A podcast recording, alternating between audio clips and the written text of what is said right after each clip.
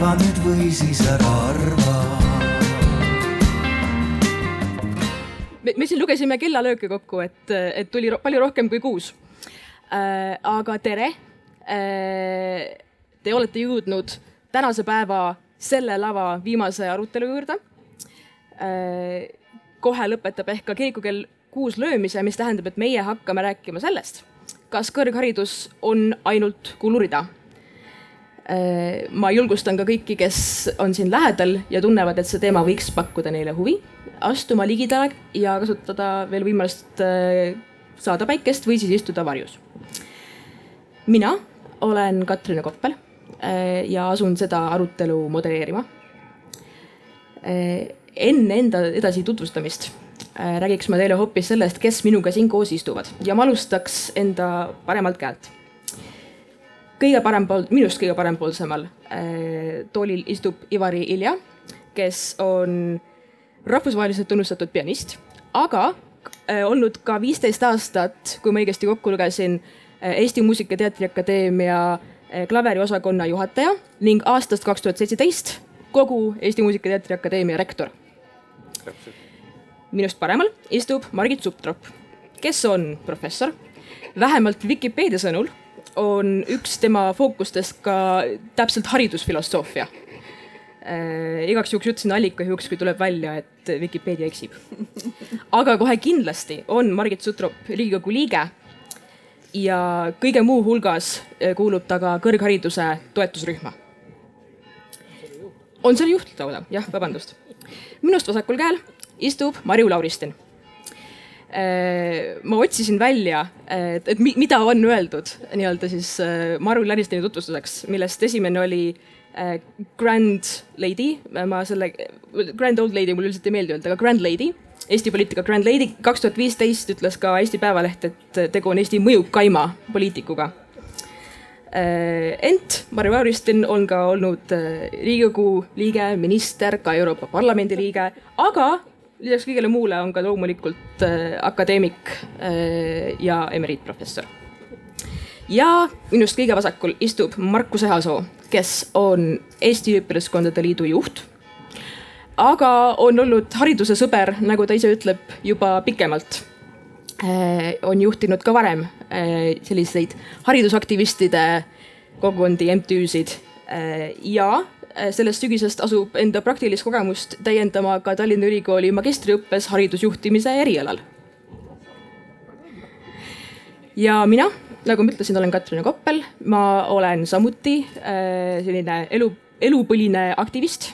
olen olnud Eesti Üliõpilaskondade Liidu äh, juhatuses, olen ka olnud Euroopa Üliõpilasliidu juhatuses ja praegu olen läinud pensionile doktorandiks ja õppejõuks Äh,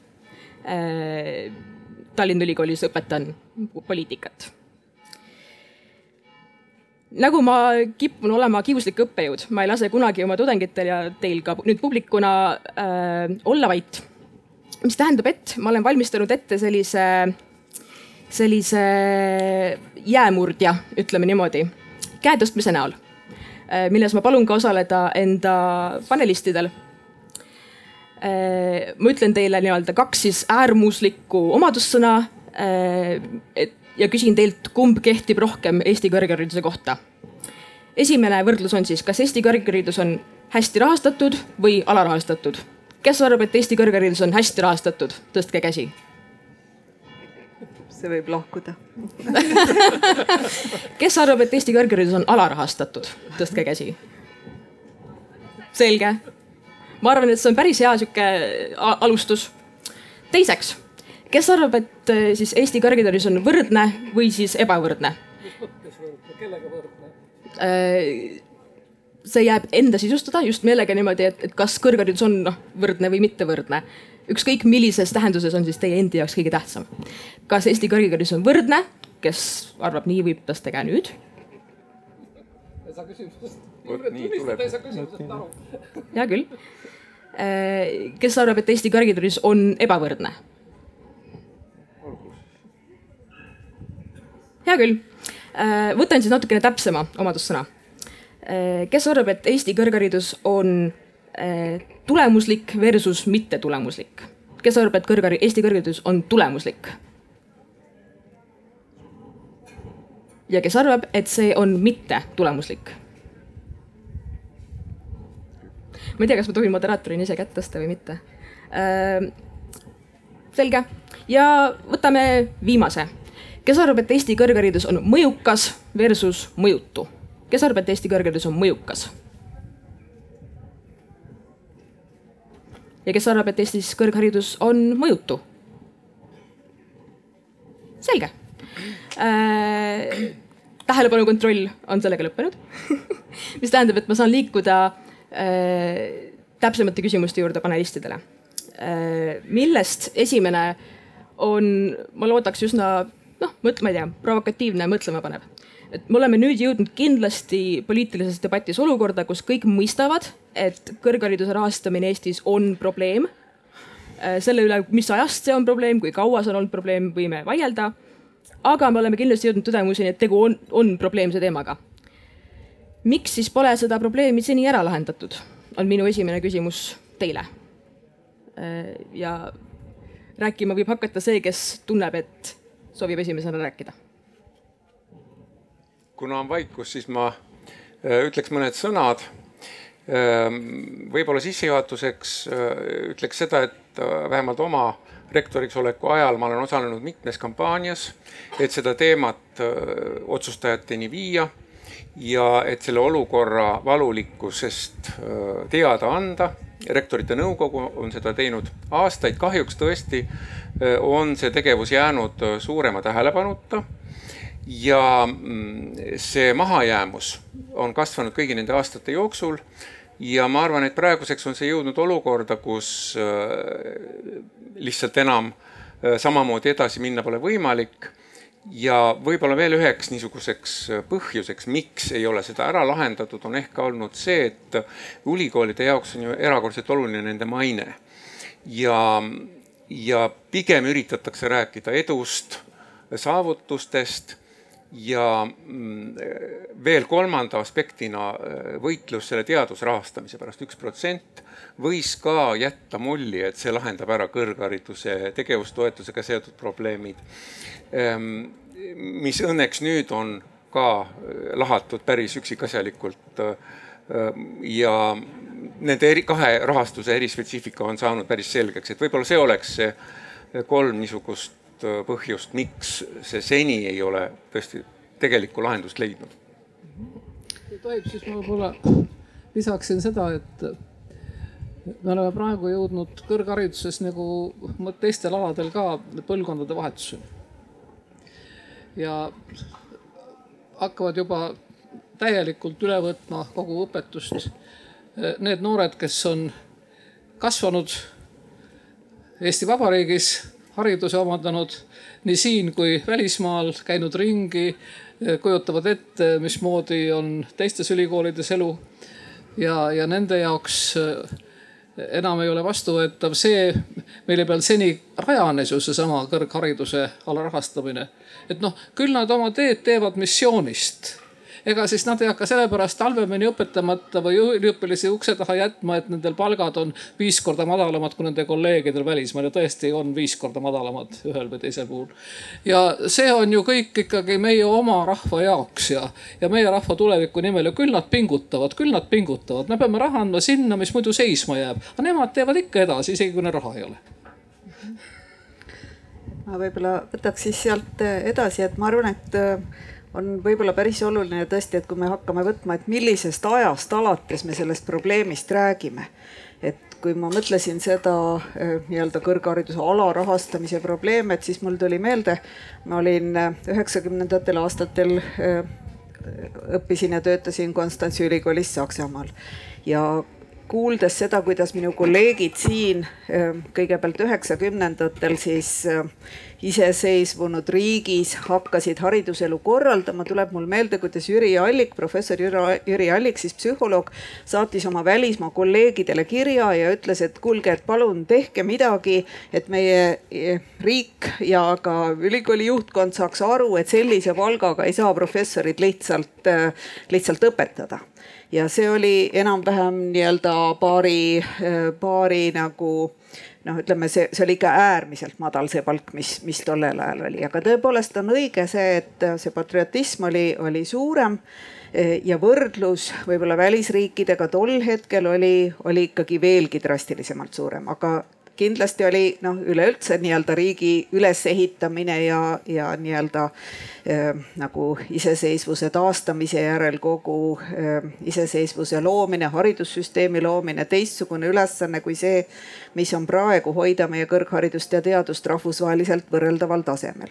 et vaadates seda, et kus täna siis nagu see teravik jookseb, on võib-olla ikkagi üks selline väga oluline poliitiline samm, mis tehti kahe tuhande kolmeteistkümnendal aastal, kui erakond Isamaa eestvõttel siis äh, äh, tegelikult otsustati kõrgharidus teha tasuta kõrghariduseks. Ja see päris oluliselt määras, ütleme ühelt poolt kindlasti tekitas äh, võimaluse nagu ütleme võrdsemalt pakkuda kõrgharidust, sest enne seda osad maksid ise oma kõrghariduse eest ja teised said seda tasuta ja äh, ei ole päris nagu sellist korralikku analüüsi tehtud, mis oli selle hariduse niisugune ka võib-olla kvaliteedi vahe, et me teame, et Riigikontroll on öelnud, et need probleemid, mida prooviti lahendada sellega, ei ole tegelikult lahendust saanud, nagu näiteks võrdsem ligipääs kõrgharidusele või üliõpilaste töötamise vähendamine, et see kõik on tegelikult endiselt äh, nii-öelda probleemid, et selles mõttes see reform nagu ei olnud õnnestunud. Äh, aga samas noh, võib ka öelda niimoodi, et põlvkonnad hakkasid sellest hetkest ka palju vähenema. et täna saab rohkem inimesi tasuta kõrgharidust, kui sai tol korral et selles mõttes põlvkonnad üldse oleksid vähenema hakanud ja selline nagu noh, ütleme võib-olla positiivne mõju sellel reformil siiski oli, et täna rohkemad tudengid saavad tasuta õppida. nüüd probleem ikkagi ülikoolide seisukohalt on tõesti see, et seda on raske öelda ja ma arvan, et ongi nagu ülikoolidel on raske tunnistada, et kvaliteet langeb, sest sellega sa tõmbad nagu endale halba tähelepanu. ja meil on ikkagi täna ka selles mõttes teine olukord, et üliõpilased saavad hääletada jalgadega, kui nemad kuulevad, et siin antakse halba haridust, siis nad lähevad ju välismaale õppima kus nad ka peavad oma elamiskuludest ise maksma ja vahetevahel see võib-olla polegi nii palju, nii palju erinev, et selles mõttes ülikoolid seda teha ei taha. Ehm, kuigi nad nüüd möönavad ja minu meelest oleks nagu hästi oluline öelda seda, et mis siis tegelikult ülikoolides halvem on, et ega seal ei tööta halvemad õppejõud. on tõesti oht, on see, et äh, paljud inimesed ei taha kõrghariduses enam töötada, nad otsivad endale muid väljakutseid, lähevad muudesse sektoritesse tööle, kus nad saavad paremat palka, aga teiseks tudengi seisukohalt, kuna siin on palju palju just noori, siis ma ütleksin, et tudengi seisukohalt on neil lihtsalt vähem nii-öelda nagu nii-öelda toetavaid süsteeme. Neil on halvem raamatukogu, neil on halvemad äh, laborid, neil on vähem pühendunud õppejõud, sest õppejõud peavad mitme kohaga võib-olla töötama. Neil on vähem praktikavõimalusi, neil on vähem praktikuid, kellele makstakse nii-öelda siis selle eest, et nad ülikoolides saavad õpetada. vähem individuaalset juhendamist, sest et tudengi õppejõu suhe võib olla halvem, nii et äh, täna selles mõttes äh, seda saaksime me kõik rohkem pakkuda, kui see rahastus tõuseks. et ma arvan, et see on hästi nagu nagu oluline võib-olla rääkida pigem sellest, mida me saaksime teha paremini, kui see rahastus nagu, nagu pareneks, mitte rääkida nii palju sellest, kui halb see tänane kõrgharidus on, sest et pingutatakse ikkagi endiselt, aga, aga just nimelt see nagu ütleme, hariduse rikkus või, või kvaliteet sõltub ikkagi väga palju ka rahalistest võimalustest eelkõnelejad inspireerisid, ma ütlen hästi lühikese kommentaari, et siis sellest patriotismist, tegelikult see mängib ka praegu oma rolli. eriti selles osas, mis puudutab äh, õppejõudude võrdlust välismaa õppejõududega, aga mis on nagu selle praegu olukorra, praeguse olukorra muutnud sedavõrd, noh, ma ei kardaks sõna katastroofiliseks, on see areng, mis on toimunud Eestis väljaspool ülikoole, kuhu on Eesti majandus arenenud, milliseks on kujunenud Eesti palgad? Ja veel ütlen kommentaariks seda, et tegelikult äh, selle tasuta õppereformi järgselt oli kõrghariduses raha ikkagi üks koma viis protsenti SKP-st, mis pärast seda on iga aasta kukkunud, kukkunud ja nüüd ta on tegelikult lähenemas juba ühele protsendile, et äh, jah, et see tegelikult nüüd, mida koalitsioon on otsustanud, on siin tee, mille kaudu seda probleemi saaks lahendada. aga me ei saa ikkagi sellest patriotismist enam rääkida või sellele loota, kui me peame professorile maksma Äh, elektriku palka näiteks mm. -hmm. et kui võib-olla veel täpsustada see, et mis see summa siis nagu, nagu on, kus on sihiks teatud, et tõepoolest uues koalitsioonis siis Reformierakonna, Isamaa ja, ja sotsiaaldemokraatide koalitsioonilepingus on praegu nüüd kirjas see, et, et me nagu võtsime sihikuks vähemalt ühe protsendini SKP-st ikkagi kõrghariduse jõuda. aga samas rektorite nõukogu nagu soovitus on üks koma viis protsenti, nii et sellest me oleme ikkagi tegelikult nagu veel, veel päris kaugel ja küsimus tõesti võib olla, et kas selle puudu puuduva osa peaksid maksma tudengid ise, peaks tulema juurde erasektor, kes tugevamalt toetaks näiteks mingisugusel kujul või peaks riik veel leidma vahendeid ja, ja noh, kui niimoodi Selle moderaator nii, küsis, et, et miks seda ei ole siis tehtud, no siis ma arvan ikkagi esimene vastus on, et, et ega riigil ei ole äh, nagu noh, ütleme riigil ei ole piisavalt raha, et kõiki neid väga erinevaid vajadusi eh, võrdselt katta, et alati on see prioriteetide küsimus ja siis muidugi järgmine küsimus on, miks see pole prioriteet, et see on muidugi mm, -hmm. muidugi oluline rõhuasetus ja, ja.. Eh, selleni, kas on raha ja kust tuleb raha, jõuab meil ka, aga Markus. Ähm, ma mulle tundub, et võib-olla üks põhjus veel, millest me siin veel ei ole mainitud, on ikkagi see nii-öelda ühiskondlik tagasiside ka või, või kõrghariduse valdkonna selline alalhoiu instinkt, et, et me omaette pohiseme ja nuhiseme ja ütleme, et raha on vähe, aga, aga viimaste aastate jooksul me oleme suutnud kuidagi ka selle äh, kõlavaks teha inimestele, et täna siin ka, äh, kui Katrina küsis, eks ole, et kas kõrgharidus on mõjukas või mõjutu, siis polnud ühtegi inimest, kes oleks vastanud mõjutu kuigi on ju veel mõni aasta tagasi endiselt äh, olemas artikleid, kus põhimõtteliselt öeldakse, et tegelege vaikselt seal oma eliidi pro äh, probleemidega ise ja, ja ärge nagu riigilt väga palju tuge oodake et võib-olla mingisugune selline muutus ka sellises ühiskondlikus suhtumises, sest et me teame ju väga hästi, et eh, selleks, et, et mingisugusele valdkonnale raha juurde saada, selle jaoks eh, see peab eh, poliitikut ja lõppkokkuvõttes tema valijad, kes seda poliitikut valib, kõnetama. et seni, kuni, kuni poliitik ei näe oma valijatelt seda märku, et vot see on see teema, kuhu tuleb investeerida, et, et seni see ei muutu ka võib-olla liiga oluliseks ja täna, kui ma mõtlen kasvõi sellise aastase protsessi peale, et kui palju tegelikult on olnud kõrgharidus teemana fookuses väga erinevatest vaatenurkadest ja ka see, et, et uus koalitsioon on, on eesmärgiks ikkagi seadnud endale vähemalt osaliselt selle rahastuse küsimusega tegeleda. et see näitab seda, et me enam ühiskonnas kõrghariduse teemat ei aruta sellise niti-kriti kaupa. nagu näiteks siin aeg-ajalt, mingi aeg tagasi oli konsolideerimine väga popp, popp teema, eks ole, kõrghariduses. vaid nüüd me tegelikult saamegi aru, et siit enam, enam edasi pole võimalik minna, tuleb teha mingisugused konkreetsed otsused Eh, sest vastasel juhul, nagu siit juba välja on käidud, me tegelikult enam ei räägi mitte ainult sellest, et kui palju meil on võimalik kõrgharidust pakkuda, aga kui, kui kvaliteetselt on seda võimalik pakkuda. Eh, nüüd, kui ma olen saanud nii-öelda oma esimese küsimuse ära küsida, siis ma ütleksin ka seda, et tegu on siiski ju arvamusfestivaliga ja väga oodatud on ka publiku küsimused. Äh, kui te tunnete, et teil on äh, väga tabav küsimus, mida võiksin esitada, siis äh, andke käega märku. meil on publiku mikker täiesti olemas ja esimene juba, juba vist tahakski. ja mikrofon tuleb sealtpoolt. esimene, esimene küsimus, kui see probleem on juba nii nii palju aega eksisteerib, mis, miks akadeemiline õppejõud ei streiki?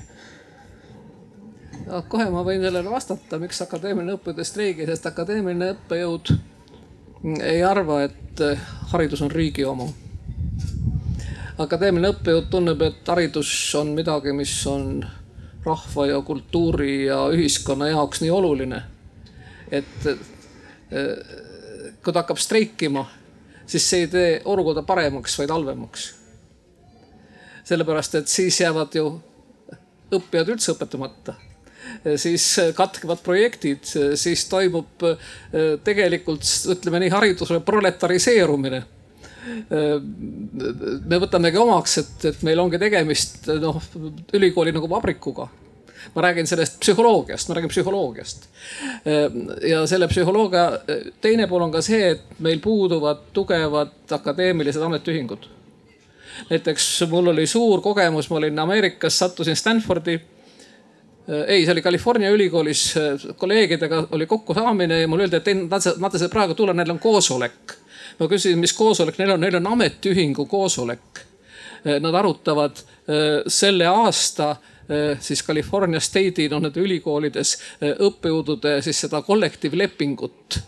mina vaatasin ausalt öeldes noh täielikus mõistmatuses, sellepärast et Eestis see oli noh, see oli üks kümme aastat tagasi, see oli täiesti mingisugune nagu noh, ettekujutamatu olukord, et ülikoolis õppejõud arutavad kollektiivlepingut, on ametiühing ja see on nii tähtis koosolek, et sellepärast ei tulda üldse kohtuma näiteks väliskülalistega. ja siis ma sain veel teada, et ka rektor on seal kohal ja et see üldse on üks tähtis sündmus, aasta sündmus, see oli mulle täitsa arusaamatu, sest meil midagi sellist pole kunagi olnud ja vot siin ongi see, et need asjad on kõik omavahel seotud. kui ülikooli on vaadatud ja ta on missioon, kui ülikool on rahvuse arengu kese, kui ülikool on meie traditsiooni jaoks noh, number üks, me räägime, et ülikoolist on saanud alguse Eesti riik, eks ole, siis see on püha asi see ei ole noh, nagu noh, töökoht, kus on tööandja, töövõtja, vaid see on midagi muud meie enda jaoks. aga nüüd me oleme sattunud uude olukorda, kus kõik teised elavad teiste reeglite järgi ja me peame hakkama ka mõtlema, et nende reeglite järgi vist tõesti me peaks hakkama streikima. Ja juba streigitaksegi. ja Kui siiapoole ka äh, tuli sõna korraks.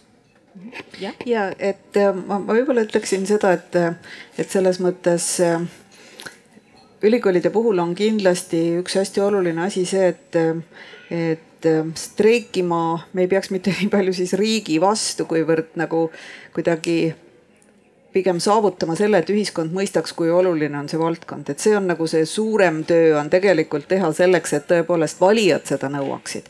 mitte, sest läb, kui valijad seda nõuavad, siis teevad poliitikud seda ja need probleemid saavad nii-öelda riigi poolt nagu lahendatud. nüüd äh, meil on ka ju olemas ametiühingud, kes on aidanud päris palju alguses teadusleppe jaoks ja ka siis seda haridusleppe teemat nagu tõsta, aga see lahendus, mida on pakutud, et meil on fikseeritud palgad õppejõududel, ei ole tegelikult see, mis ülikoolidele sobib.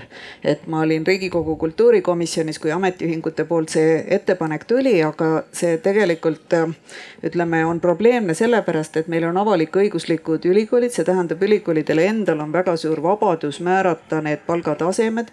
ja ma ütleks nii, et pikka aega on siiski ülikoolide edu olnud see, et et meil on äh, võimalus ülikooli sees äh, erinevaid selliseid nagu potte kombineerida, et ma olen olnud pikka aega ise instituudi juhataja või dekaan, kes ei saa öösel hästi magada, sellepärast et sa ei tea, kuskohast sul kassasse sinna raha tuleb, et kuidas sa saad teha, aga samas ütleme, on nagu võimalus määrata need palgad siis nii-öelda kehtestatud on ainult miinimumpalgad ja, ja mängida on võimalik tulemustasudega ja ütleme erinevate nii-öelda motivaatoritega, kuidas inimesed siis projektid projektide kaudu raha juurde toovad või täiendõpet teevad ja see tegelikult on noh, ütleme pikka aega see ülikoolide arengule, ma arvan, mõjus väga hästi ja ülikoolid ei tahaks seda vabadust käest anda, et ma arvan, et, et kindlasti rektorid saaksid seda ise, ise täiendada, et kuidas see olukord praegu on, aga ma arvan, et kui me fikseerime palgad, siis see tähendab ka, et osade jaoks see tähendab kaotust. et kindlasti on, ütleme, ülikoolide võimalused erinevad ja suuremad ülikoolid, Tartu Ülikool ja Tallinna Tehnikaülikool kindlasti kindlasti mängivad rohkem sellega, sest neil ongi rohkem teadusrahasid veel juures lisaks õpperahale, kus äh, väiksemad ülikoolid elavad suures osas siis õpperahadest. et ka see on väga suur erinevus, aga äh, noh, näiteks äh, see on üks selliseid asju, kus nagu mida sa streigid, kui sulle vastatakse, et aga ise te määrate need palgad, eks ole. aga palgad saad sa maksta ainult olemasoleva raha piires, et selles mõttes on see jällegi selline noh, mitme otsaga asi ja seda probleemi on nagu raske, raske sellisel kujul ära lahendada, aga võti on ikka ikkagi selles, et, et äh, mõistetakse, et kõrghariduse nii-öelda rahastamine võrdlus maadega võrdluses ei saa niimoodi langeda protsentuaalselt, et ülikoolid ei majanda ebasäästlikult ega tee midagi halvasti, et kvaliteetne haridus maksab ja, ja seda tuleb pigem siis minu arvates selgitada muidugi poliitikutele, aga eelkõige tähendab see kuidagi rahva arusaamist, et, et äh, hästi rahastatud kõrgharidus on kõigile ja kogu riigi nii-öelda arenguks väga vajalik tundub, et see küsimus on jah tõstnud diskussiooni, et me oleme lase ka sinna ma ütleks ka äh, kommentaariks kõigepealt selle streikimise kohta, kuna ma olen ka olnud õppejõud väga pikka aega, siis äh, siin on väga suur vahe, nagu ka Marju Lauristin viitas, et kui rongijuht ja konduktorid streigivad, siis vihased äh, reisijad lähevad kuskil, teevad demonstratsiooni või ajalehed kirjutavad suurest nördimusest, mis rahva hulgas valitseb.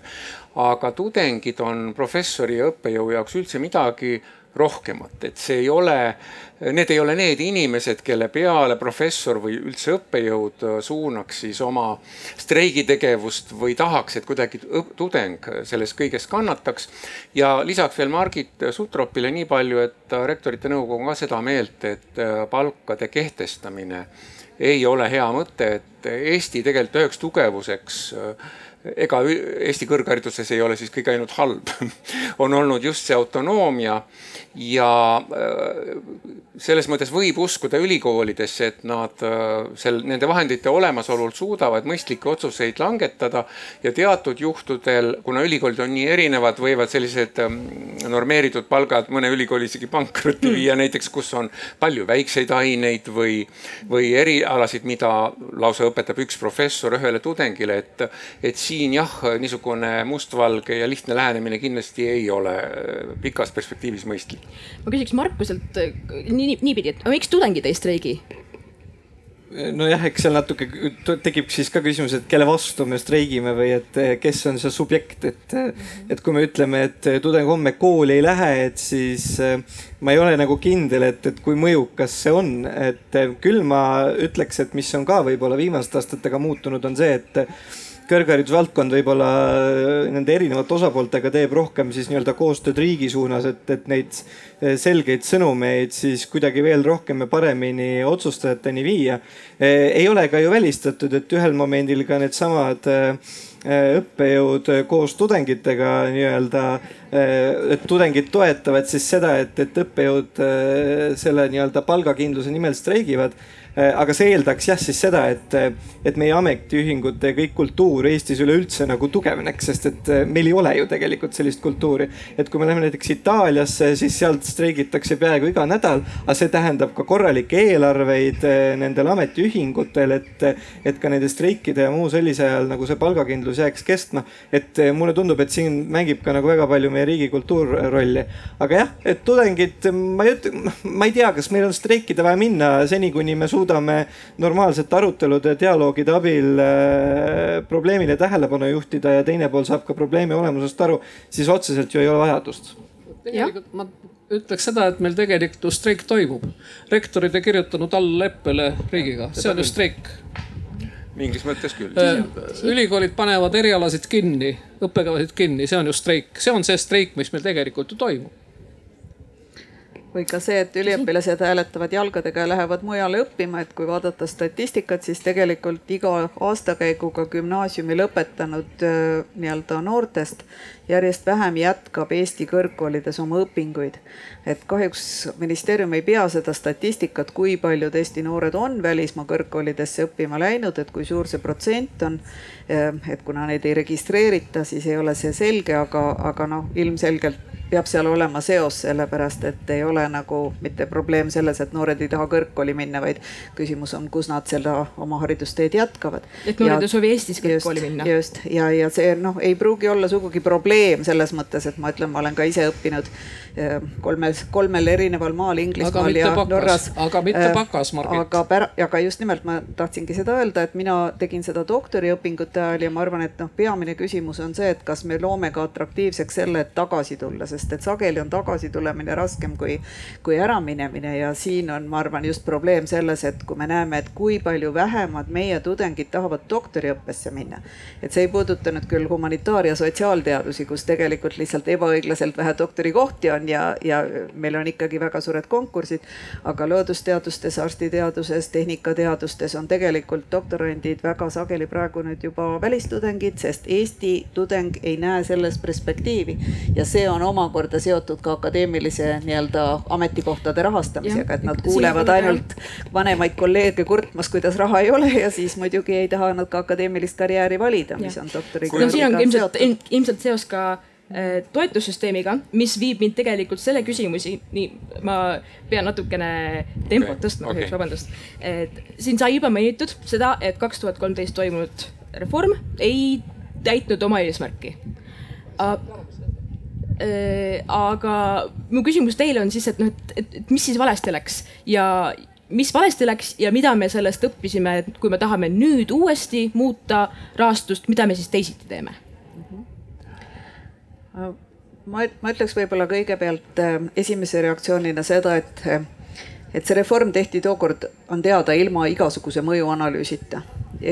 tehti nii-öelda nagu üks hea valimislubadus või midagi, mida, mida noh, sooviti, sooviti nii-öelda mingit nii-öelda poliitilist muutust tuua ma arvan, et kui nagu mõelda, et sooviti lahendada probleemi, et tudengid ei töötaks näiteks või et ligipääs oleks suurem, siis oleks pidanud kõigepealt analüüsima, miks nad töötavad.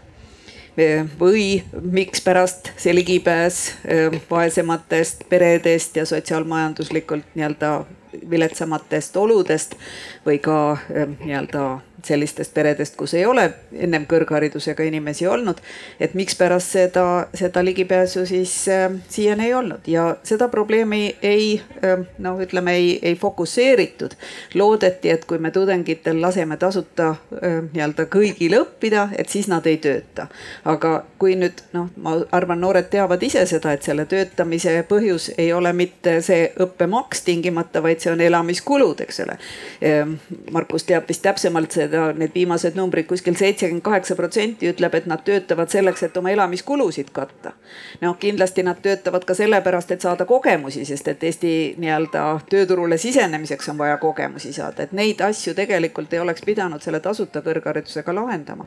ja need on nagu, ma arvan, kui te, sa küsid, et mis on nagu järgmisteks kordadeks vaja õppida, siis me kindlasti peame praegu vaatama seda, et me räägime praegu küll ainult sellest kõrgkoolidele juurde antavast rahast, aga kas me räägime sellest, kuidas tudeng saaks pühenduda õppimisele? et kas meil täna on tema elamiskuludega, tema õppelaenuga, tema toetustega, tema stipendiumidega, kas me seda adresseerime, et minu meelest seda probleemi me oleme täna liiga vähe adresseerinud. täna ka lehest lugedes SEB Pank ütles, et ta tudengitele enam laenu ei anna, sellepärast et see ei ole mõistlik summa, mida üldse nagu elamiskuludeks on vaja.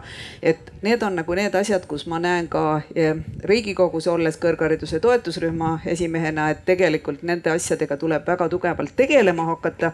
ja küsimus ei ole ainult õppejõudude palkades, mis on ka probleem aga kui me tahame, et tudengid õppimisele korralikult pühenduksid, et nad saaksid üldse kõrgkoolis head haridust saada, siis kindlasti on tudengite hakkamasaamine ja see motivatsioonipakett, et nad pühenduksid, on, on sellised olulised asjad, mida me pea, millega me peame tegelema ja ka uurimispõhiselt, mis neid siis tegelikult aitab, mis on need tegelikud probleemid ja kus on need rahalised nii-öelda toetussüsteemid, mis võiks aidata meie tudengeid.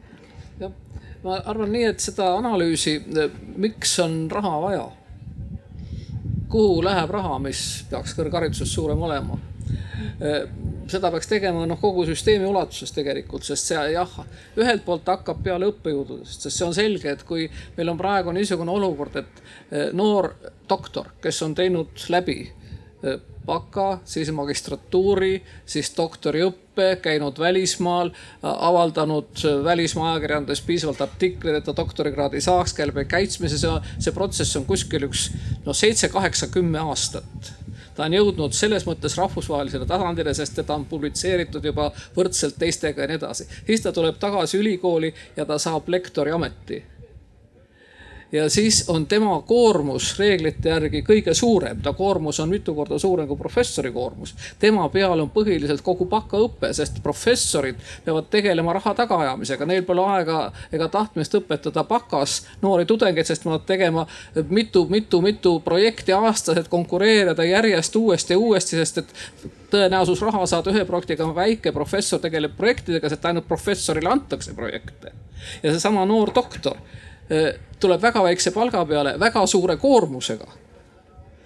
ja siis tekibki see olukord, kus selle noore motivatsioon tulla õppejõuks on väga väikene.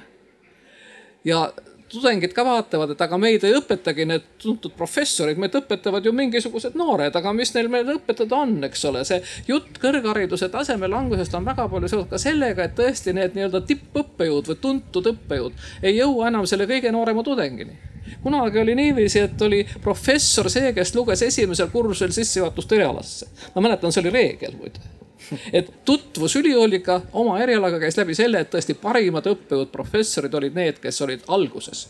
praegu, millal puutub kokku tudeng oma eriala tippteadlastega, tippprofessoritega, see ei ole esimene kursus. ja peale selle kõik seesama niisugune noh, nagu ebamäärasus, Margit ütles, et dekaanina ta otsis, kuidas ta saab oma õppejõudude palgad kokku, kust tuleb teadusest midagi, natuke tuleb sealt, natuke sealt. vot seesama, et ei ole õpetamise rahastust, ei ole selget arusaama, et õpetamine ongi ülikoolis õppejõu põhitöö ja see raha peab olema riigi poolt, kes ütles, et ta võtab endale täie vastutuse et ta enam ei luba ise ülikoolil teenida, eks ole, kõik peab olema riigi rahaga kaetud. et see on siis ka riigi vastutus, et see õpetamise töö on makstud, aga mitte õpetamise eest ei võta teadusrahast ja mujalt rahadest selleks, et kuidagi lappida kokku see nagu lapitekk, see õpetaja palk, nii et selles mõttes see hariduse, kõrghariduse kui selle sisu niisugune noh, nagu tähendus, selle väärtustamine, selle rahastamine. see on selle asja üks külg ja teine pool on seesama õppimise maksmine, mis on selle noore inimese motivatsioon, noore inimese kulutused, kuidas noor inimene siis tõesti on motiveeritud pühenduma. vot seesama, et pühendumine ei ole enam endastmõistetav, et tõepoolest nagu kunagi luuletas August Sang, et mul jalas aukudega sokid ja, ja, ja, ja eks ole, idealistlikud üliõpilased õpivad ükskõik mis tingimustes ja õpetajad ka, seda enam ei ole nii et ühesõnaga see arusaam, et raha on vaja selleks, et normaalselt nii õppejõud kui üliõpilased saaksid pühenduda õppimisele ja õpetamisele seda arusaama minu meelest ole. jah äh, ütlen kommentaariks, et ülikoolid on erinevad ja Eesti Muusika- ja Teatriakadeemias tõepoolest tudengid puutuvad kokku juba bakalaureuseastmes juhtivate professoritega, mis teebki ka muidugi meie õppe väga kalliks. Äh, aga kui rääkida nüüd sellest reformist, küsimus oli, mis läks valesti või mis ei läinud valesti, siis tegelikult see reform tõi ju ka nendel aastatel väga palju raha kõrgharidusse juurde, aga millegipärast pärast see juurdevool peatus või arvati, et kõik need probleemid on lahendatud Äh, minul mingisugust niisugust poliitilist laetust ei ole, aga ma ei oska ka toetuda mingitele uuringutele, aga minu seisukoht on Eesti-suguses riigis peaks olema eestikeelne kõrgharidus ükskord tasuta igal kõrghariduse astmel loomulikult kõik, mis järgneb selle, ütleme elukestev õpi, olgu need siis mikrokraadid või veel kord teistkordse kõrghariduse omandamine, siin loomulikult tuleks raha, raha võtta, aga nüüd, kui me kaalume ikkagi olukorras, kus meil niikuinii on äh, tudengite leidmisega ju tegelikult raskusi, heade tudengitega. teiseks, meil on erialasid, mis on ju Eesti riigi eksistentsi ja identiteedi seisukohast üleolulised, üliolulised, kuid kus ei ole mingisuguseid väga atraktiivseid palku, noh alates kultuuritöötajatest, õpetajatest, kellest iganes. et siis olukorras, kus niikuinii see künnis minna välismaale on juba piisavalt madal. et kui me nüüd just nagu Margit ütles jälle ilma mõjuanalüüsita kehtestame mis iganes õppemaksu, et siis võime tegelikult äh, lasta endale varbasse selle äh, püstoliga, sest et äh, me veelgi lihtsamaks muudame seda, et meie tudeng läheb bakalaureusesse välismaale ja me kõik teame väga hästi, et see on vanus, kui inimesel ei ole veel välja kujunenud neid sidemed. ta võib minna elama ükskõik kuhu, ta leiab seal endale elukaaslase ehm, ja seltskonna oma erialalise võrgustiku, mis pakub talle kõike nii-öelda tuleviku jaoks. et see, kui tudeng on lahkunud juba bakalaureuseõppes, muudab tema tagasipöördumise palju vähem tõenäolisemaks, kui see juhtub hilisematel haridusastmetel, seetõttu kutsun ikkagi üles sellele ettevaatlikkusele ja eestikeelne kõrgharidus ükskord igal astmel võiks olla tasuta küll. aga see tähendabki, et riik peab aru saama, et eestikeelne ülikooliharidus eriti siis bakalaureuseõppes, on Eesti riigi, Eesti kultuuri püsimise alus. järelikult tuleb sellele kah siis eraldada seesama maksumaksja raha mitte selles mõttes, et igaüks ütleb, aga mis me selle eest kohe saame. me saame selle eest Eesti kultuuri ja Eesti riigi püsimise, selle saamegi. ja, ja see on sama tähtis kui kaitsekulud ja, ja me võiksime selles ka kokku leppida, et see on sama tähtis kui kaitsekulud ja seepärast see vajab ka sellist kokkulepet ja mitte ainult, mis nimelt mitte teadus eraldi, vaid just nimelt kõrgharidus, mis on ilma teaduseta võimatu, just nimelt ülikooliharidus vajab sellist kokkulepet. ma veel laiendaks, et äh, kõrgharidusest sellise, sellest, milline see on täna oleneb see, milline on Eesti riik tulevikus. ja äh, kui me mõtleme, kes meie riiki valitsevad, ministeeriumid, kõikjal töötavad kõrgharidusega inimesed ja tegelikult, kui nüüd natuke naljaks veel pöörata, siis oleneb ka sellest kõrgharidusest, mille nad praegu saavad, see, kas nad saavad tulevikus aru vajadusest ikkagi edasi rahastada kõrgharidust, sest et äh, väga tihti räägivad äh, tasulisest kõrgharidusest ju need, kes ise on saanud tasu, tasuta kõrghariduse või siis kas iseenda või oma vanemate rahakoti najal õppinud kuskil välismaal. aga mm, kahtlemata oleks see äh, mõnes mõttes lihtne lahendus, aga kuna praegu on meie ülikoolide rahastamise skeem ikkagi väga üldine. siin olete, olete nõus, eks ole, et detailidesse laskumist eriti ei ole ja on jäetud ülikoolide autonoomiale päris, päris lai ruum, siis nüüd olukorras, kus äh, kasvõi kehtestatakse kas äh, protsent sellest õppekava maksumusest või on see siis samasugune eh, mingi maks kõigile tudengitele, kust siis väidevalt, väidetavalt pärast hakatakse ümber seda raha jagama, need on kõik väga ohtlikud arengud ja eriti selles osas, mis puudutab humanitaariat, kultuuri. Eh, loomulikult on erialasid, mis eh, pakuvad alati inimesele head materiaalset toimetulekut ja need on ja jäävad aga sel juhul tuleks vaadata pigem ikkagi juba rohkem detailidesse, kus teatavasti alati peitub saatan mm. -hmm. ja ikkagi leida need kaitsemehhanismid siis nendele päris, päris üllatavalt halbadele arengutele, mis meid võivad ühel hetkel tabada. Markus ma jah, võib-olla tuleks nagu tooks selle tudengivaate siia kõrvale ka, et, et iseenesest oleks väga huvitav teada, et mis näiteks kõrgkoolide seis oleks siis, kui see tasandusfond oleks jätk, jätkunud aga selle kõrval ju tegelikult eh, seesama dekaad on ka tudengite sotsiaalsed garantiid jäänud samaks. ja kujutage ette nüüd, pange ennast sinna olukorda, et kui teie palk on sama, mis kümme aastat tagasi, et siis kas te tuleksite toime, arvatavasti oleks see väga-väga keeruline. ja nüüd tänases selle, selle tõttu, et, et, et see nii kaua niimoodi olnud on, eh, seisabki tudeng silmitsi sellise huvitava eh, mõttekäiguga, et tahaks ülikooli minna haridust omandama. Me teame, et ülikoolid on alarahastatud, seal võib olla küsitavusi täna juba ka kvaliteedis. samal ajal hariduse omandamine on küll tasuta, aga need kõrvalkulud on kõrged. ehk et ma siiski pean midagi tegema, kas võtma laenu, käima kõrval tööl ja ja sotsiaalsed garantiid on väikesed. ehk et neid põhjusi või mikse või neid ettekäändeid, miks lõpuks otsustada, et ma ei lähe kõrgharidust omandama.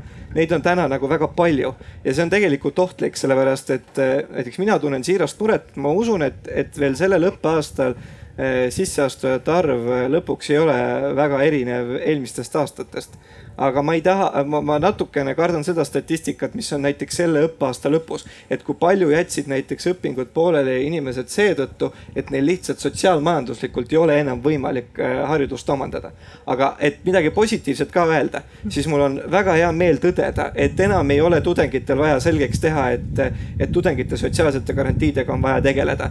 veel paar aastat tagasi oli selliste teemade puhul alati vastuseks, aga kõrgharidus on ju tasuta, mis teil veel vaja on kui tohib, ma ütleks selle. väga lühidalt. ja ma ütlengi lühidalt, ma olen üldiselt nüüd viimane kord ma läksin natuke laiali.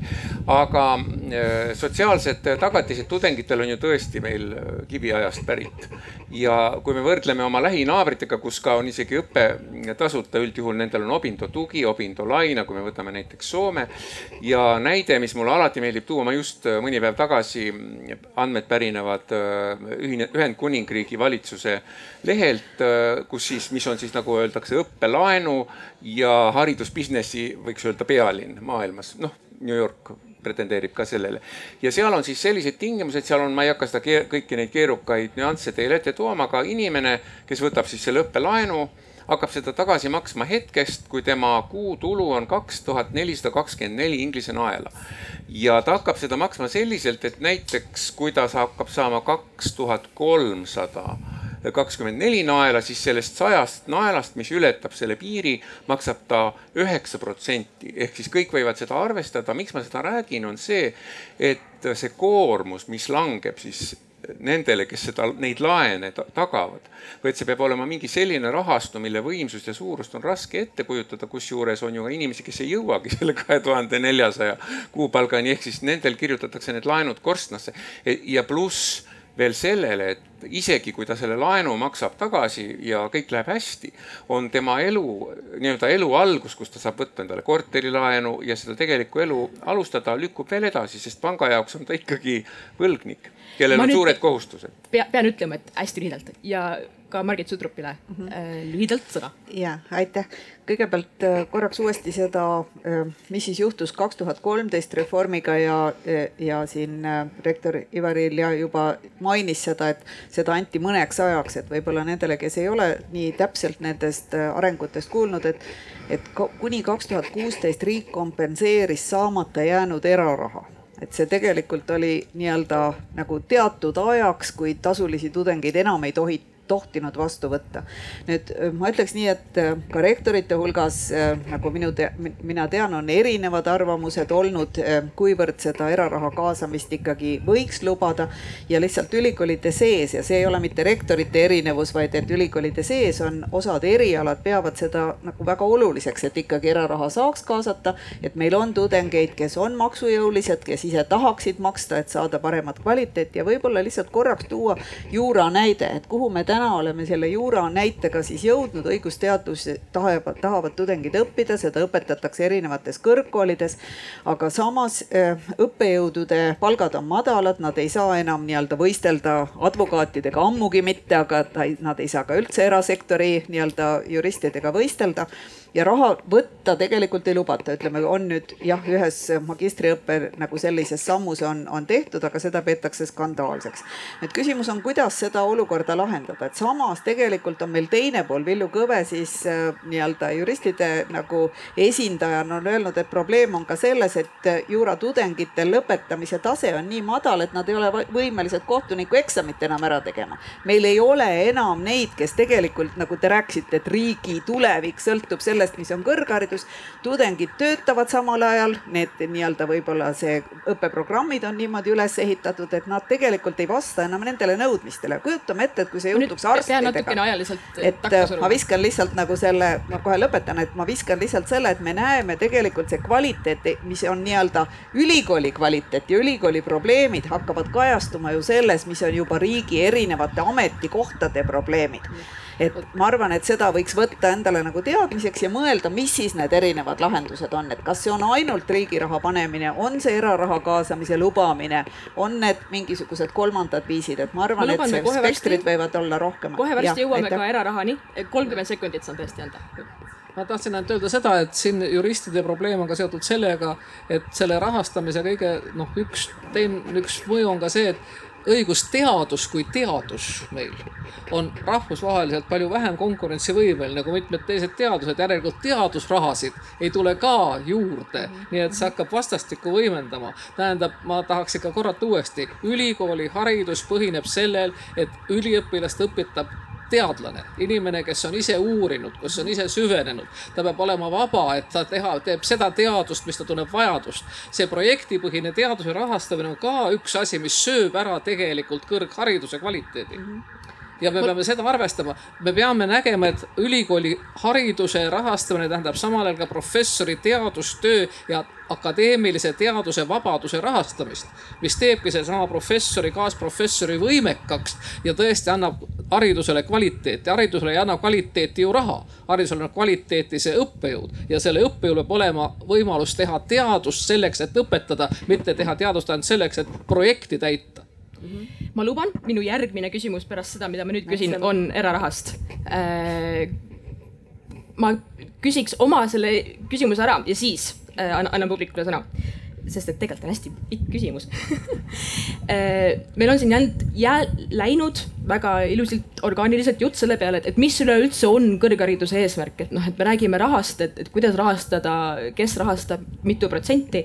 aga mul ongi selline küsimus teile kõigile, et, et mis üleüldse on Eestis kõrghariduse eesmärk ja noh, siis nii-öelda tärniga juures ja kuidas sellest peaks sõltuma see, kuidas me seda rahastame, kas siis summa mõttes või põhimõtte mõttes?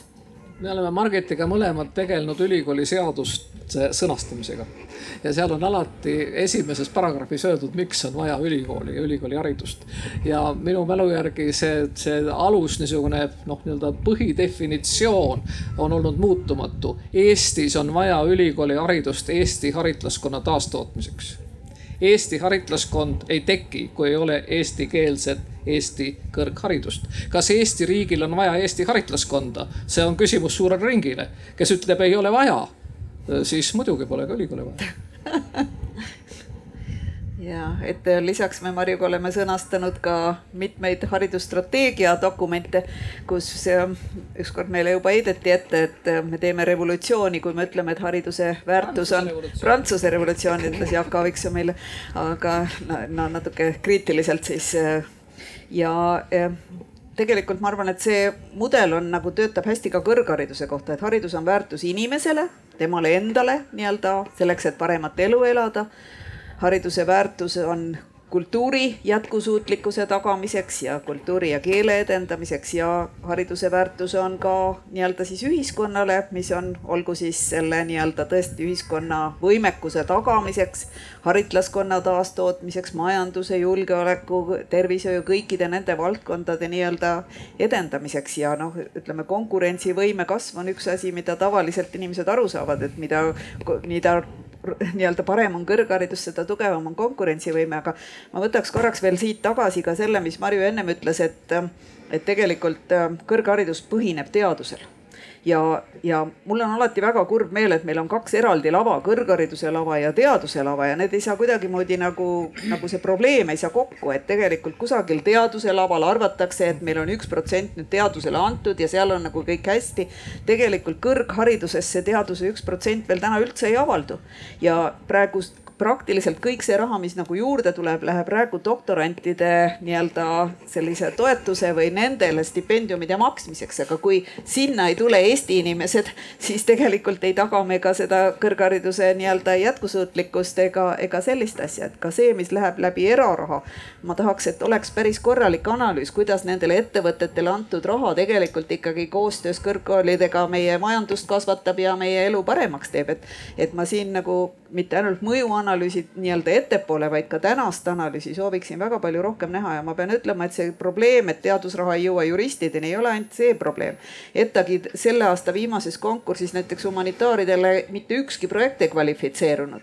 aga sellepärast, et otsustati, et me tõstame lävendi sinna kohta, kus nad enam ei kvalifitseeru. vabandage, e, kogu humanitaarteadus ei saa mitte ühtegi raha enam järgmisel aastal kogu nii-öelda Eesti teadusrahastusest selleks, et mingisugused nii-öelda nagu muud valdkonnad saaksid, mis võib-olla on tore, aga me ei saa niisugusel viisil tasakaalustatud ühiskonda ega tasakaalustatud ülikooli edendada.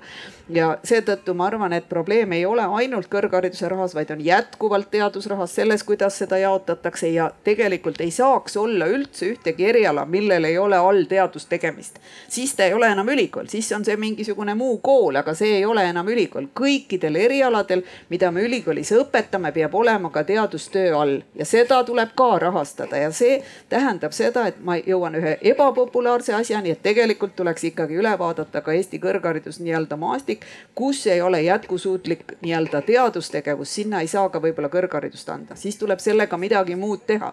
kas saata meie tudengid välismaale õppima või sinna nii-öelda tugevdada seda seltskonda, kes seal õpetab.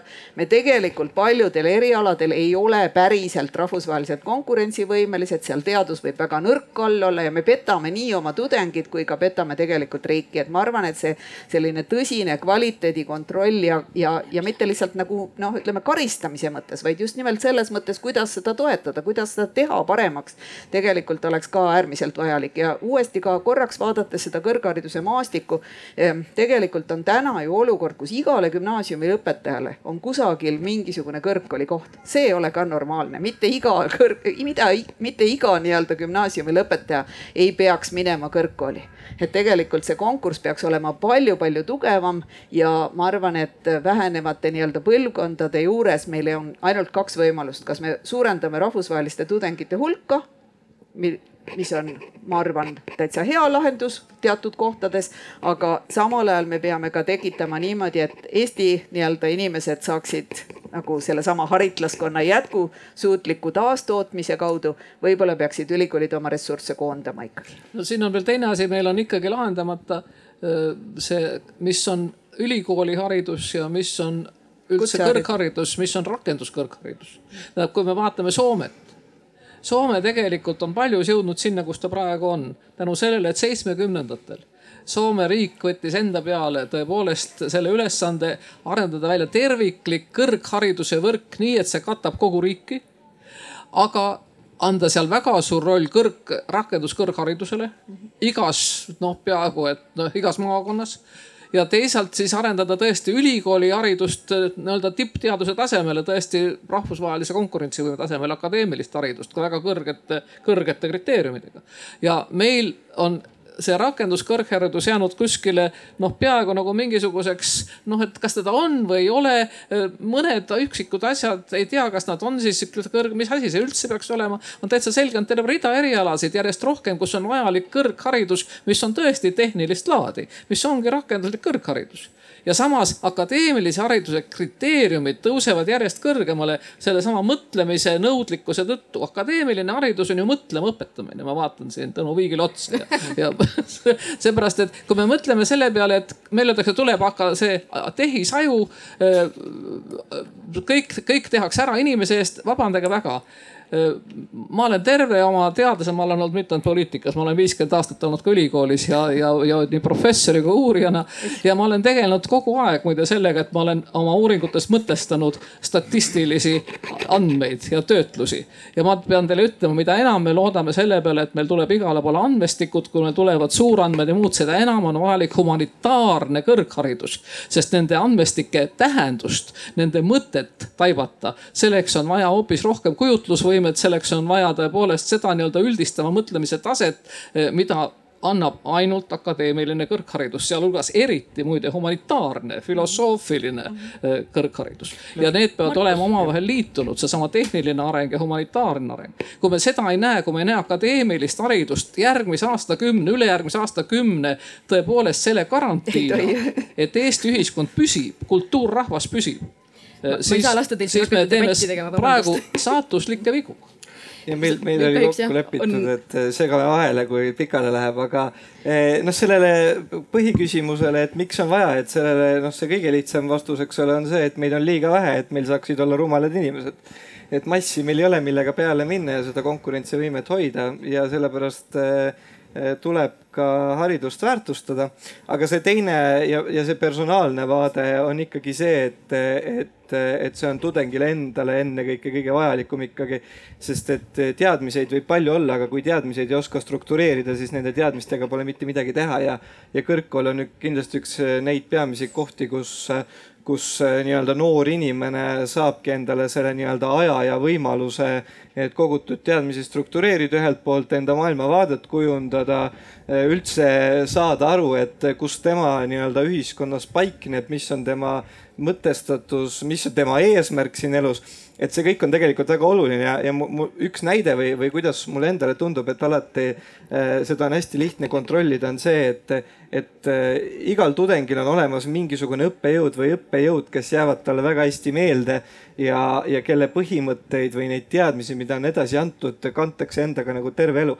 nii et ma ütleks, et see on ülioluline, sest et ta on väärtus nii tudengile endale, aga lõpuks läbi selle mõtestatusmatuse ta panustab ka tagasi ühiskonda ja, tohib, ma ütleks ka, siin on tõesti palju räägitud, aga see kõrghariduse roll, äh, tõepoolest nõustun, et haritlaskonna taastootmine on see põhiline, põhiline eesmärk, mis tegelikult on ka aluseks Eesti riigi jätkumisele kaugemas tulevikus.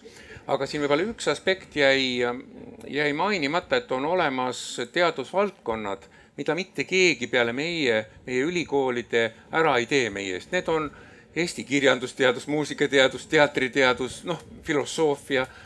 et just, et äh, need on kahtlemata valdkonnad, kus inimene ei saavuta tõenäoliselt maailmakuulsust või Nobeli preemiat. aga on selge, et mitte keegi teine kuskil maailmas neid asju meie eest ära ei tee. samas kui samblik või kosmose mingisugune objekt või, või mõni tehniline probleem äh, maailmas võib-olla leidub keegi, kes selle, kes selle asja ka ära uurib. et seetõttu ma võib-olla ka praegusel tehnokraatlikul ajastul, kus räägitakse ikka insenerid ja IT ja kõik, et, et võib-olla ülikooli üks tähtsamaid funktsioone ongi see, see humanitaaria vaimu, eesti keele arendamise, tähendab, kui teaduses enam ei ole eesti keelt siis tegelikult hakkab sellest lõpuks tuleb selline kingapuhastajate ja lapsehoidjate keel. aga meie tahame, et see oleks ikkagi äh, nii-öelda lõpuni välja arenenud keel ja mis tegelikult juba on praegu, võiks öelda ime, arvestades meie rahvaarvu. Markus juhtis väga õigesti mu tähelepanu, et ma pean hakkama karmimalt vahele segama, kui pikali läheb. ma olen selles väga halb seni olnud, sest et kuidas sa segad vahele. aga vahepeal ma annan sõna meie publikule, sest et jäänud on ainult pool tundi meil veel rääkida. tõesti mina olen siis halva kvaliteediga Tartu Ülikooli õigustudeng. Äh, ja esiteks sooviksin kiirelt mainida, et mul on väga paljud sõbrad läinud äh, Inglismaale ja Hollandisse bakalaureusekraadi omandama ja mina arvan, et see äh, ei ole peamiselt sellepärast, et me arvame, et Eestis on jube halb, vaid meil on lihtsalt elatustase tõusnud ja see on võimalik ja see on põnev. aga mu küsimus on võib-olla selles, et vähemalt äh, no võib öelda, et ma olen võib-olla see põlvkond, kes on tasuta õppinud ja nüüd tahab, et kõik oleks tasuline äh,. aga minu tutvusringkond vähemalt arvab, et Eesti riik ei ole nii rikas, nagu on näiteks Taani, kes äh, on tõesti nagu võimekas äh, andma kõigile tasuta kõrgharidust. et äh, kas on, ma ei tea, noh mõni vahepealne variant, et mitte teha nagu väga kõrget kõrgharidust, tähendab tasulist kõrget summat. sest et ähm, me ei oleks nagu vastu sellele otseselt, sest et nagu, nagu te välja tõite ka, siis meil on paljud õppejõud on ka nagu enam täiskohaga advokaadid ja vahepeal annavad paar loengut, et see ei ole nagu tore tunne, kui ähm, öeldakse tihti, et ah, et te olete nüüd nagu natuke halva kvaliteediga õigustudengid ühesõnaga mu küsimus on selles, et millised variandid on, et teha kõrgharidus taas tasuliseks?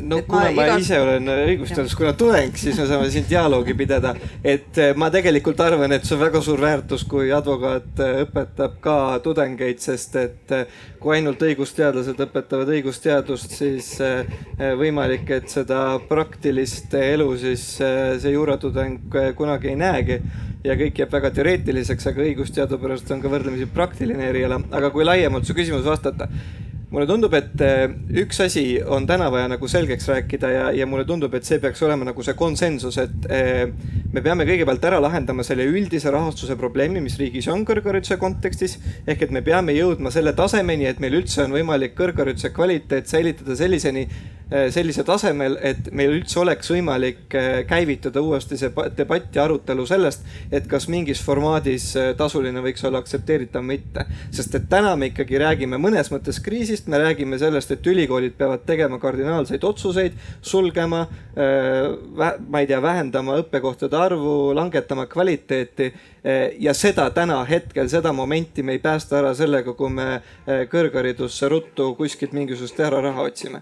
et kui me selle oleme korda saanud teha, siis on ka oluliselt turvalisem minna nende debattide, küsimuste juurde, et äkki teatud olukorras on õigustatud ka eraraha kaasamine. -hmm. jah, ma ütleks kõigepealt lihtsalt selle, et igaks juhuks, et ei jääks sellist nagu muljet, et ma oleksin öelnud, et juuraharidus on täiesti halva kvaliteediga, et, et ja on olemas väga super tudengeid, aga kui Villu Kõve toob selle üldise probleemi välja, et enam mitte piisavalt inimesi ei suuda läbida mingit nii-öelda väga olulist eksamit, et siis see näitab kas selle kohta, et tudengid piisavalt ei pühendu või, ja see on probleem, me ei tea kumba pidi, eks ole, et kas tudengid piisavalt ei saa pühenduda ja neid teadmisi omandada või neid õpetatakse halvasti. võib-olla on nad kuidagimoodi omavahel seotud ja kindlasti on see ka seotud siis raha küsimusega.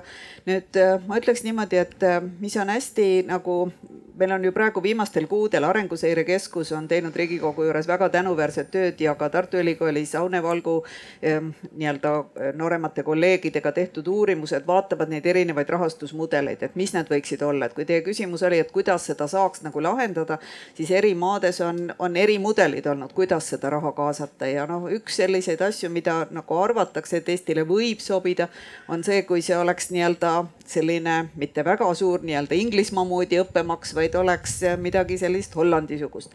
Hollandi tudengid maksavad esimesel semestril näiteks maksab, esimesel õppeaastal maksavad ühe tuhand, tuhat eurot. võib-olla võib seda natukene võtta meie elatustasemega ja nii-öelda seda natukene sarnasemaks teha, aga see kindlasti toob ülikoolidele lisaraha juurde. mida mina arvan, et seda üksinda nii-öelda sisse viies võime me saada midagi sellist, mis juhtus Saksamaal. Saksamaa tegi oma tudengitele selle ja tegelikult palju vähem tuli tudengeid õppima. siis nad kaotasid selle ära ja tegid administreerimismaksu, mis on niisugune nagu pisikene, aga ülikool ikkagi nagu toetab. ja see neelati alla, ilma et tudengid oleks üldse nagu väljagi teinud sellest. aga minu meelest on küsimus ka selles, et kuidas nagu seda kommunikeerida, et poliitiliselt on sellise otsuse tegemine igale parteile või igale koalitsioonile, kes seda teeb, enam-vähem nagu noh, teada, teada nagu no mitte just surmahoop, aga igal juhul ta vähendab tema valijate hulka no,. nüüd küsimus on, kuidas. oli tõesti surmahoop ühele parteile. see võib olla nagu surmahoop, see võib olla lihtsalt nagu ma ei tea, löök allapoole vööd. aga et kuidas seda teha, on küsimus just nimelt selles samas arusaamises, et mina nimetaksin seda õppe kvaliteedimaksuks ma ei nimetaks seda õppemaksuks ega nimetaks seda nii-öelda administreerimistuluks, vaid just nimelt see, et mida tudeng selle eest rohkem saab. ma arvan, õppejõudude palk peaks tulema tegelikult riigi poolt, nemad peaks garanteerima, et, et on hea tasemega, hea tasemega õppejõud, aga needsamad asjad, mida ma nimetasin, paremad raamatukogud, paremad laborid, parem tagasisidestamine, paremad nii-öelda teenused, mis nagu tudengini jõuavad, selle eest võiks inimene olla valmis tegelikult ise maksma. aga me peame pidama silmas erisusi, seda ei tohi mitte mingisugusel juhul nii-öelda juurutada, ilma et seal kõrval oleks vajaduspõhine korralik toetussüsteem, õppelaenude süsteem ja võib-olla sinna juurde ka ikkagi midagi, mis me, mida me täna ei ole üldse puudutanud, et meil on tegelikult väga palju erialasid, kus meil puuduvad inimesed ma pean nüüd ja, ütlema, et äh, ma pean hakkama vahele. ma lihtsalt, ma lihtsalt viskan selle õhku, et, et tegelikult ma arvan, seesama rahastamine peab ikkagi pidama ka silmas seda, mida Marju ütles, et võib-olla meil on rakenduskõrgharidust rohkem vaja, võib-olla meil on vaja midagi ikkagi teha õpetajate, meditsiiniõdede, inseneride saamiseks ja seda saab ka tegelikult õppemaksu vabastamise kaudu näiteks suunata, kuhu minnakse rohkem õppima. ma ikkagi ütlen ühe hästi sek-, mõnesekundise kommentaari, et tegelikult Eesti riik ju väga palju raha panustab näiteks kõrghariduse eelsesse haridusse. noh, näiteks muusika muusika vallas, need on meeletud võimalused, mis meie noortel on. ja nüüd me kehtestame selle tuhat eurot. ta läheb Sibeliuse akadeemiasse, kus tal ei ole seda tuhat eurot ja ta saab veel obindatuge ja, ja nii-öelda Soome riigi käest ta võib võtta veel ka seda laenu. et me ikkagi elame avatud maailmas ja mingis mõttes võiks öelda, et turumajandus kehtib ka kõrghariduses, et see, et siin on väga palju detaile, mis tuleb kindlasti sel juhul läbi kaaluda tähendab, siin tuleb kindlasti läbi kaaluda kõigepealt ka see, et on ilmselt jah, erialasid, kuhu minnakse, kas konkursid on suured ja kuhu minnakse kah lootuses tõesti, et saadakse parema palga peale. ja õigusteadus kindlasti on üks nendest ja, ja võib-olla ka seesama kommunikatsioon, kus mina õpetan, on üks nendest. ja on mitmeid teisi veel ja samas on teisi, mis ei ole nii noh, nii-öelda populaarsed, mille õppimine võib-olla on ka noh, raskem ja pikem, noh, võtame arstid, eks ole, või, või õpetajad ja, või mida on riigil rohkem vaja ühesõnaga tegelikult seesama õppemaksu teema võiks olla diferentseeritud erialati, A. teiseks kindlasti võiks olla küsimus ka ikkagi õppelaenude süsteemi teises pooles, sest on küllalt siiski näha, et võtame kasvõi seesama teema, et siin õpitakse tasuta ja siis minnakse hoopis ära välismaale tööle, eks ole. meie maksumaksja ütleb, et miks ma maksin, eks ole, kui noored lähevad välismaale tööle. tähendab, siin on ikkagi küsimus ka selles, et kui on olemas õppelaenusüsteem, siis on siin jälle võimalik reguleerida, et tõepoolest noh, nagu oli näide, et kui sa tuled ja töötad Eestis, siis sa näiteks ütleme, kasvõi katad oma õppelaenu juba selle tööga, nii et sa ei pea seda tagasi maksma. vaid öeldakse näiteks, kui sa oled, ütleme viis või seitse aastat töötanud, on sul õppelaen tegelikult tasa tehtud, sest sa oled iseendast juba riigile nii palju andnud oma tööga noh, ka neid asju on võimalik, seda kõike peab arutama, see ei ole mitte nii, et me kõik siin kohe ütleme, vot üks lahendus Kas.... siin ongi see, et mitu erinevat kokku panna. mulle tundub, et me peame leppima kokku, et me järgmine aasta kohtume siin taas. ma ikka küsiks veel, aga kes otsustab seda, mida siis riigile vaja on? ma võrdleksin inimorganismiga, no süda, aju on asjad, ilma milleta ei saa. aga ilma käeta saab ilma jalata. kas me siis tahame nii, et osa meist nii-öelda, et meil on olemas ainult see hädavajalik, mida riigil väga vaja on. aga see muu siis lonkame, käime karguga. oleme pimedad kurdid näiteks. ei, ei, ei, ei kindlasti kindlasti on, kindlasti on neid asju, mille suhtes ei ole mingit vaidlust. ma arvan, mitte, mitte küsimus pole, mida riigile vaja on, mitte mida riigile, vaid mida ühiskonna püsimiseks vaja on. võtame selle, õpetajaid on kindlasti vaja, on ju nii, on õpetajate defitsiit tapab meil praegu ära ju haridust üldiselt. selge on see, et meil on tipp kunstnikke, muusikuid kindlasti vaja, me ei saa ütelda, et teate, meil nüüd järgmised seitse aastat ei ole vaja ühtegi muusikut ega ühtegi kunstnikku, hoiame siit kokku. ei, meie kultuur ei püsi. aga samal ajal, kui meil on näiteks noh, võtame seesama, ma, ma võin julgesti ütelda, et kommunikatsiooniinimesi, keda meil käib läbi, eks ole, võtame nelikümmend viis tükki aastas vastu, eks ole. täiesti vabalt, eks ma ütlen nii, et tõesti ühiskonnal on vaja võib-olla neid kolm korda vähem aga nendele endale on see eriala jälle niivõrd huvitav, et sinna tuleb rohkem õppima, sama võib-olla teiste mõnega. tähendab, see on asi, mida peab arutama, mitte nii, et mida kuskil riik ehk poliitikud otsustavad. selge see, et ega kõike kõike teha. puudub laud ja mäng, edasi me